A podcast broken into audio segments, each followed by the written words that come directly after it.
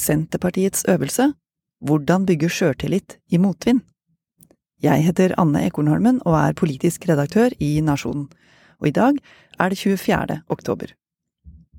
Trygve Slagsvold Vedum forsikrer eget parti om at de gjør en viktig og riktig jobb i regjering.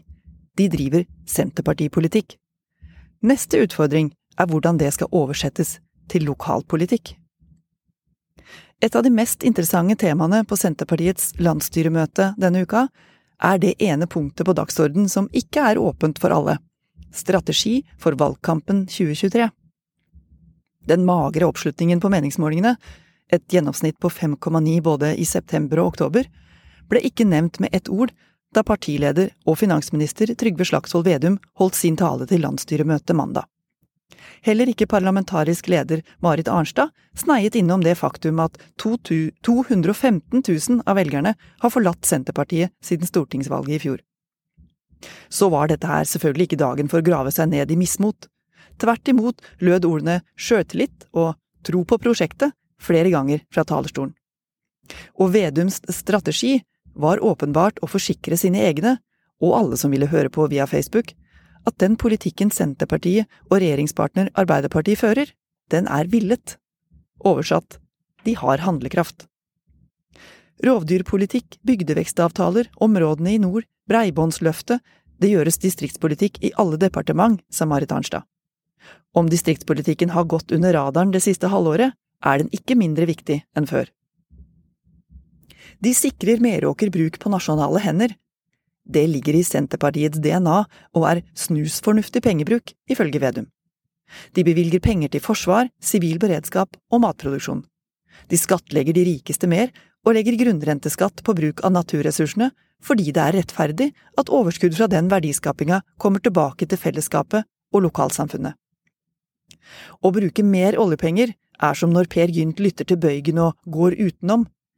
Vi kan ikke ta minste motstands vei, mener Vedum. Tøffe grep skaper motstand, men det er nødvendig for å sikre tryggheten for folk. Ingen grunn til å misforstå, altså. Valgene regjeringa har gjort i statsbudsjettet, om gratis ferjer på dagpenger og barnehagepriser, beskatning av de rikeste, grunnrenteskatt og barnetrygd, det er bevisste politiske prioriteringer i ei tøff tid. Dette er fordelingspolitikk og distriktspolitikk.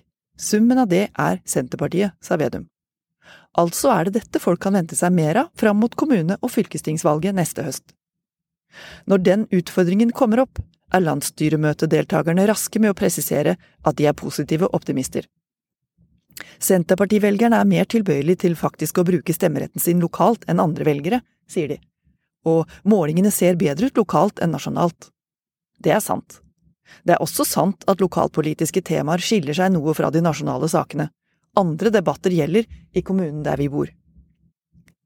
To timer var satt av mandag til å diskutere partiets felles utgangspunkt for den kommende kommunevalgkampen. Hvordan skal man motivere lokallag og fylkespartier? Hvilke rammer skal de drive valgkamp innenfor?